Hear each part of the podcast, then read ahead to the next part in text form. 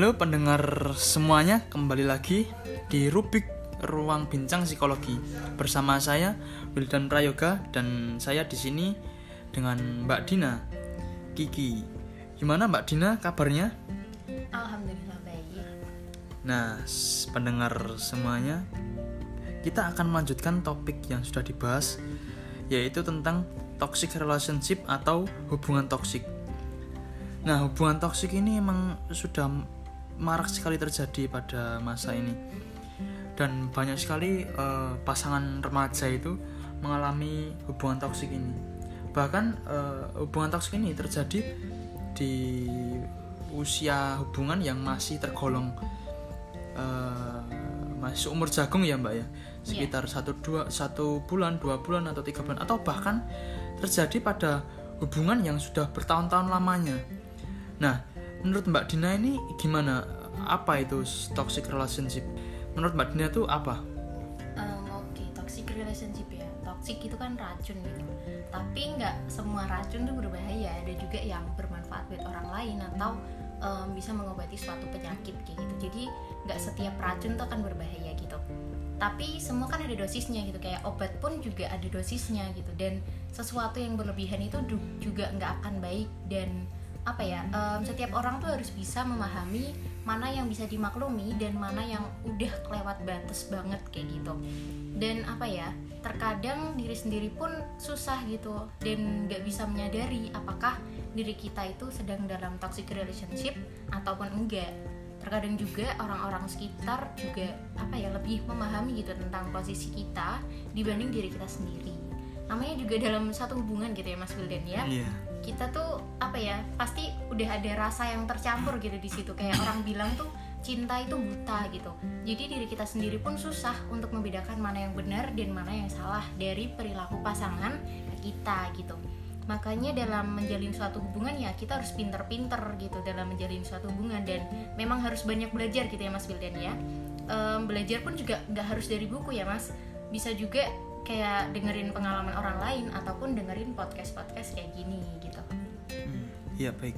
Jadi eh, menurut Mbak Dina, jika pasangan Mbak Dina ini melakukan toxic relationship, apa yang bakal Mbak Dina lakuin? Aduh, Em, gimana ya mas ya? Toxic relationship agak bahaya gitu kan ya awalnya. Cuma ya jujur juga kalau misal aku sendiri ada di dalam suatu hubungan yang toksik ya awalnya akan memaklumi gitu. Karena aku sendiri pun emang anaknya yang agak nyeleweng gitu mas. Jadi emang butuh ditegesin atau dilarang-larang dulu biar nggak makin menjadi-jadi gitu. Tapi em, gimana ya kayak karena konsepnya pun toxic relationship biasanya tuh pasangan yang toxic atau misal di sini em, kalau saya ceweknya berarti yang toxic itu cowoknya gitu ya akan membuat pasangan atau saya sendiri gitu merasa bersalah dan membuat pasangannya ini menjadi ketergantungan dan bahkan tuh em, berpikir gitu bahwa cowoknya ini memang sedang melakukan suatu hal yang baik yang benar gitu buat pasangannya itu gitu. Tapi kalau aku sendiri ketika apa yang menurut aku nggak salah atau udah aku pikirin dan ini tuh bener gitu atau hal-hal wajar yang aku lakuin tuh setiap apa yang aku lakuin tuh em, apa ya kayak semakin dianggap salah gitu mas. Di situ baru aku apa ya kayak nggak akan tinggal diem gitu. Pasti akan ngambil tindakan gitu soalnya kan yang ngejalanin di sini tuh juga aku sama pasangan gitu. Jadi ketika aku ngerasa udah gak nyaman dan setelah aku pikir berulang-ulang tuh emang itu karakter dia dan aku pun ngerasa dan aku meyakini gitu kalau kalau misal hubunganku semakin panjang aku nggak akan bisa nerima kekurangan dia kayak gini kayak gitu. Dan di situlah saatnya aku mundur gitu. Karena aku sendiri pun juga nggak setuju ya sama adanya pasangan yang toxic atau toxic relationship ini. Iya. Ya namanya masih darah muda ya Mbak ya. Kita masih eh, masih muda, masih remaja. Kadang Iya, betul. kita eh, pikiran kita itu masih labil atau ingin mencoba hal-hal yang baru. iya betul banget kemudian masih ingin ini itu gitu ya mbak ya jadi mbak Dina eh, berpendapat bahwa memang mbak Dina itu masih butuh bimbingan dari pasangan dan mbak Dina juga awalnya itu memaklumi apabila pasangan itu eh, sedikit memberitahu mengatur ini itu. Tetapi semua itu juga memang ada kadarnya sendiri-sendiri ya. Jika memang sudah terlalu ter- kelewat batas dan terlalu eh, eh, mengatur kehidupan kita padahal kita mempunyai hak untuk memilih dalam kehidupan kita. Iya, betul. ya itu yang namanya sudah masuk ke hubungan yang toksik ya.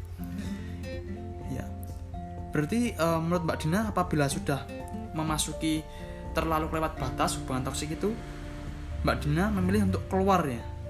Iya benar banget mas. Kalau emang apa ya batas itu kan juga kadang kita sendiri gitu yang tahu. Dan mungkin kebanyakan orang tuh apa ya akan berpikir bahwa ketika kita ada di dalam hubungan yang toksik atau yang biasa dikenal dengan toxic relationship ini kita harus keluar langsung gitu. Dari hubungan itu langsung cepet-cepet keluar pengennya kayak gitu. Termasuk aku kayak gitu tapi menurut aku juga siapa pun itu berhak memilih apakah dia mau bertahan dan melanjutkan hubungannya atau memilih untuk keluar dan pergi dari hubungan tersebut gitu.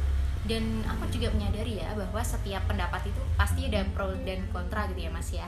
Dan di sini yang aku maksud bertahan pun bukan berarti akan langsung menyerah dan pasrah gitu tuh enggak gitu. Tapi ya apa ya kayak butuh butuh tahapan harus bertahap dulu bersama-sama untuk dapat melalui keadaan-keadaan yang memang apa ya ada dalam suatu hubungan tersebut gitu. Dan juga bersama-sama keluar dari keadaan tersebut.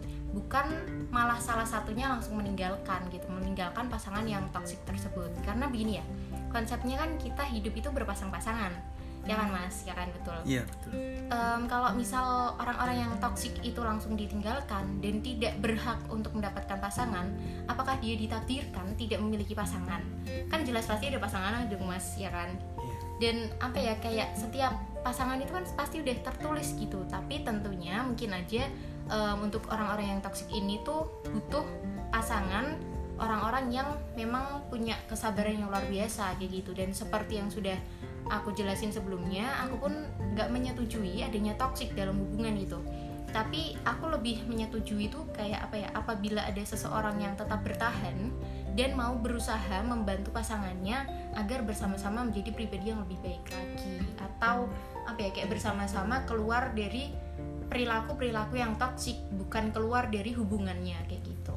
Iya, iya. Memang eh, apabila sudah terjadi hubungan toksik ini memang berat ya Mbak ya untuk saling menerima. Nah Mbak dan saya itu juga punya pengalaman. Eh, jadi saya itu bersama ya kita saya manggilnya biar enak doi doi saya gitu ya. oke Jadi saya sama doi saya itu pertama hubungan tuh ya masih jaim jaim gitu ya masih ya namanya juga masih awal-awal gitu. Tapi setelah eh, berlangsung eh, lanjut berbulan-bulan gitu, saya mulai tahu eh, doi saya itu orangnya memang ya posesif dan juga selalu ingin tahu tentang saya di mana, sedang apa atau bahkan sampai lokasi saya pun dia tahu harus tahu. Bahkan sampai eh, semuanya tentang saya itu dia pengen tahu gitu loh, Mbak. oh iya Bahkan sampai ke eh, kadang sampai ke privasi pun juga dia juga ingin tahu gitu, Mbak Hmm. tapi eh, saya itu memang tipe orang yang kalau sudah punya pasangan ya memang saya suka diposesifin mbak. Jadi kan ada orang yang diposesifin malah risih itu. Ada yang lah nah kalau saya tip saya ini tipenya memang saya suka diperhatiin suka diposesifin suka dicemburuin gitu loh mbak. Jadi oh iya, iya. ya.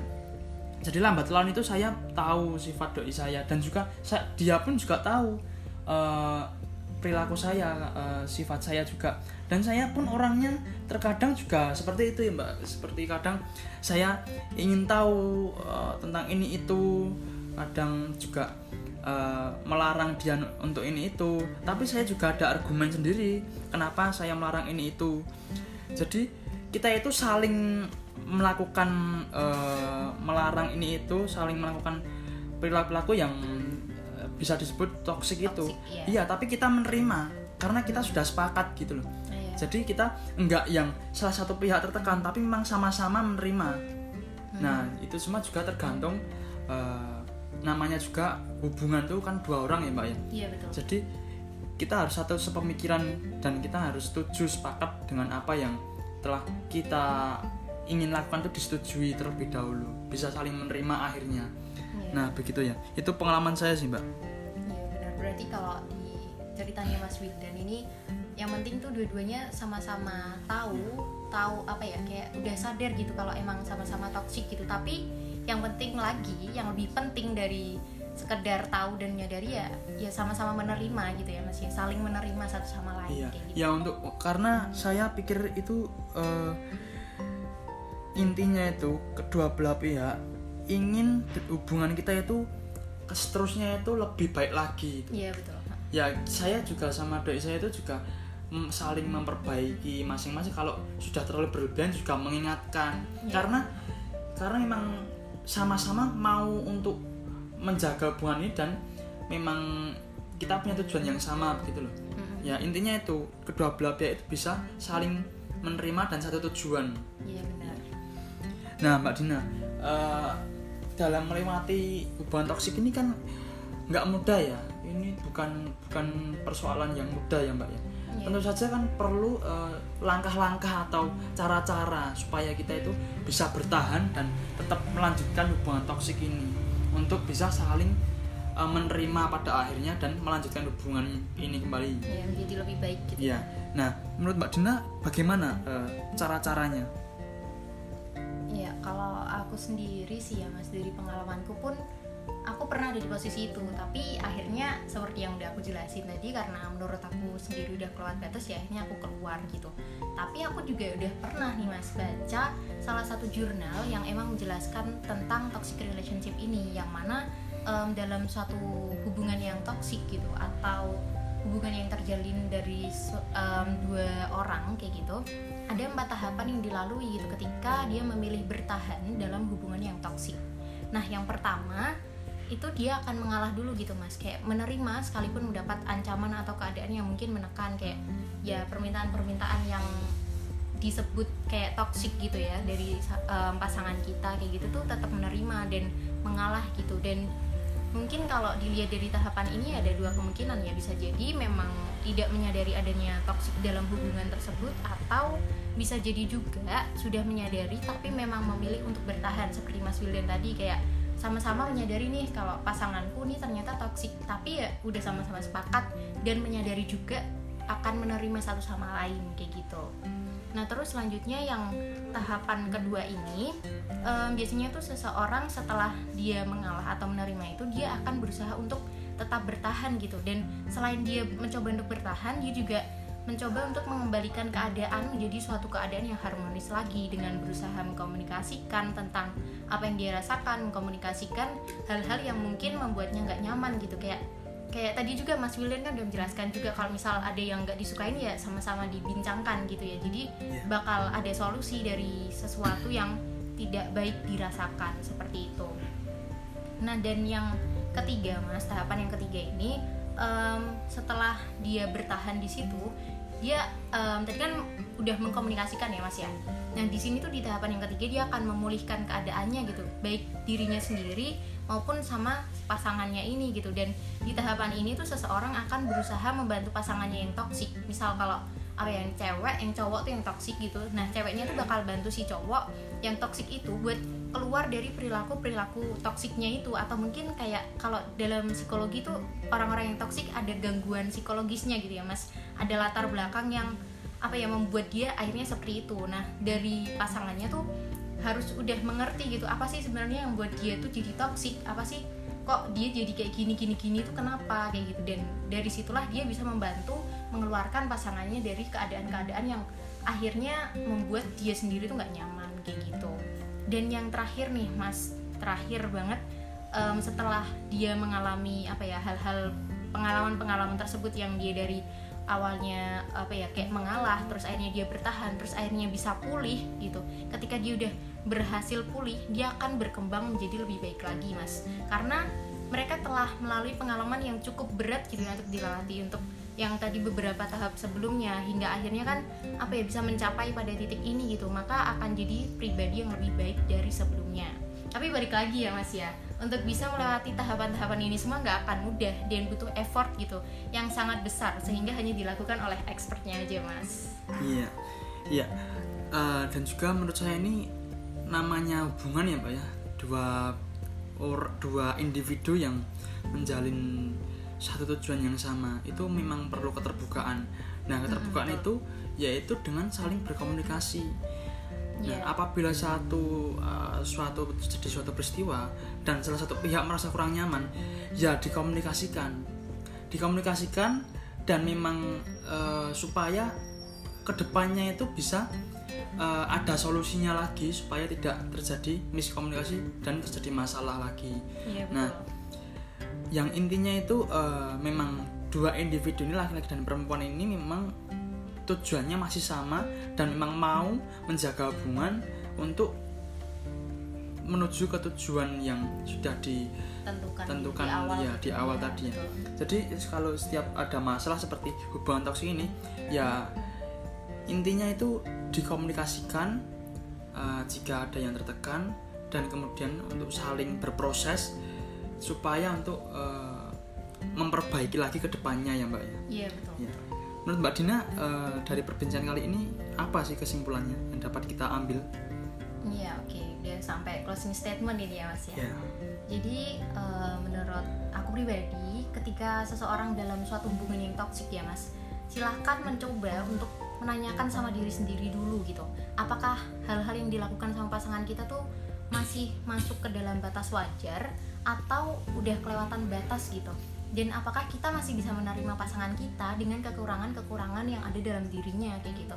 Ataupun nggak bisa menerima kekurangan dalam dirinya pun juga nggak melulu tentang toxic relationship ini ya mas. Mungkin juga ada fisik atau faktor-faktor yang lain kayak gitu. Apakah kita bisa menerima atau enggak gitu?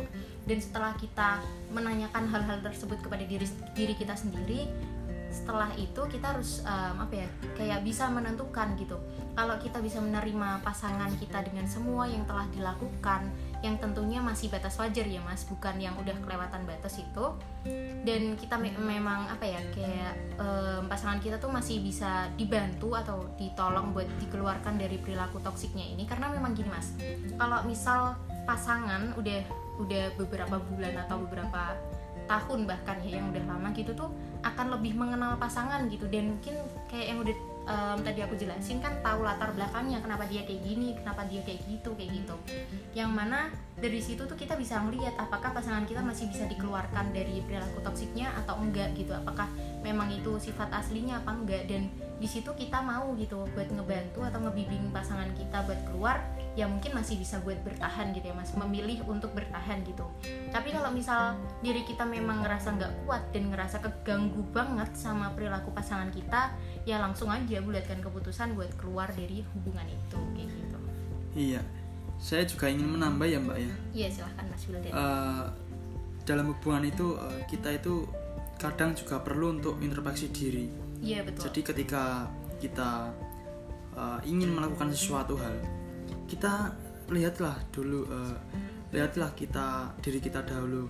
Apabila memang jika kita melakukan hal tersebut, apakah uh, diri kita itu bisa menerimanya? Iya. Jadi sebelum kita berbuat itu, berkaca dulu. Iya berkaca dulu. Jika memang ini nggak masuk dan juga tidak bisa diterima oleh diri kita, jadi kita sebelum berbuat juga jika sudah dipikirkan ya kita jangan berbuat apabila itu memang kita nggak bisa menerima. iya betul Jadi sebelum berbuat itu kita bisa berpikir dulu jika memang perbuatan kita itu akan menyakiti pasangan kita atau akan membuat pasangan kita tertekan, kita juga jangan uh, melakukannya. Jadi kita bisa berpikir dahulu sebelum bertindak. mengontrol perilaku Iya. sendiri dulu Iya. gitu ya Dan uh, dalam hubungan itu bisa saling support dan akan membawa hubungan yang harmonis dan bahagia tentunya ya Mbak ya. iya betul Ya, ya sekian da- uh, tips. Ini tadi mau bicara tentang tips ya berarti ya Mbak ya. Tips untuk uh, bertahan dalam hubungan yang toksik. Tapi kembali lagi uh, semua itu semua pilihan itu kita kembalikan lagi kepada pendengar semua bahwa uh, toxic relationship dengan pasangan itu bisa terjadi kepada semua siapa pun. Kepada siapa pun ya. Dan itu sebuah pilihan apakah pendengar sekalian akan memilih untuk meninggalkan dan keluar dari zona toksik ini atau ingin mencoba bertahan lagi dan eh, melanjutkan hubungan dengan Berusaha. memperbaikinya Ya, berusaha dengan berusaha memperbaiki ya. Saling berproses dengan pasangan. Mm-mm. betul. Ya sekian eh, podcast yang Iya, podcast yang eh, sangat panjang ini ya mbak ya. iya betul. Nah untuk eh, untuk tips keluar untuk pendengar semuanya yang ingin memang sudah memutuskan untuk keluar dari hubungan toksik ini bisa didengar pada podcast sebelumnya ya. Kalau podcast ini tentang eh, bagaimana tipsnya cara agar kita bisa bertahan dan eh, kembali memperbaiki hubungan toksik ini. Iya benar banget Mas Wildan.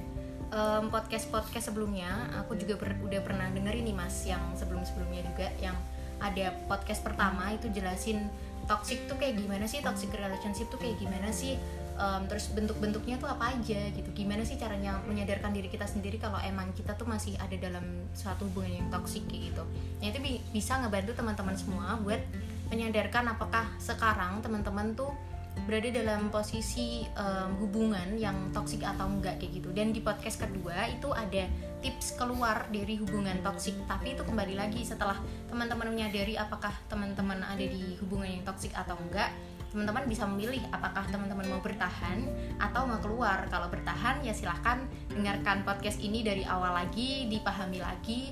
Dan jika memang mau memilih keluar ya bisa mendengarkan podcast kedua dari toxic relationship ini Iya. Terima kasih ya waktunya buat Mbak Dina sudah meluangkan waktu untuk kita berbincang-bincang yang panjang ini ya dan eh, sampai jumpa lagi pendengar semuanya. Semoga eh, ilmu yang kita dapat belajar bersama-sama ya saling tentang sharing ya, saling sharing dan semoga dapat bermanfaat bagi kita semua. Sekian saya tutup podcast kali ini. Kembali lagi pada podcast rubik selanjutnya. Dan selamat siang semuanya.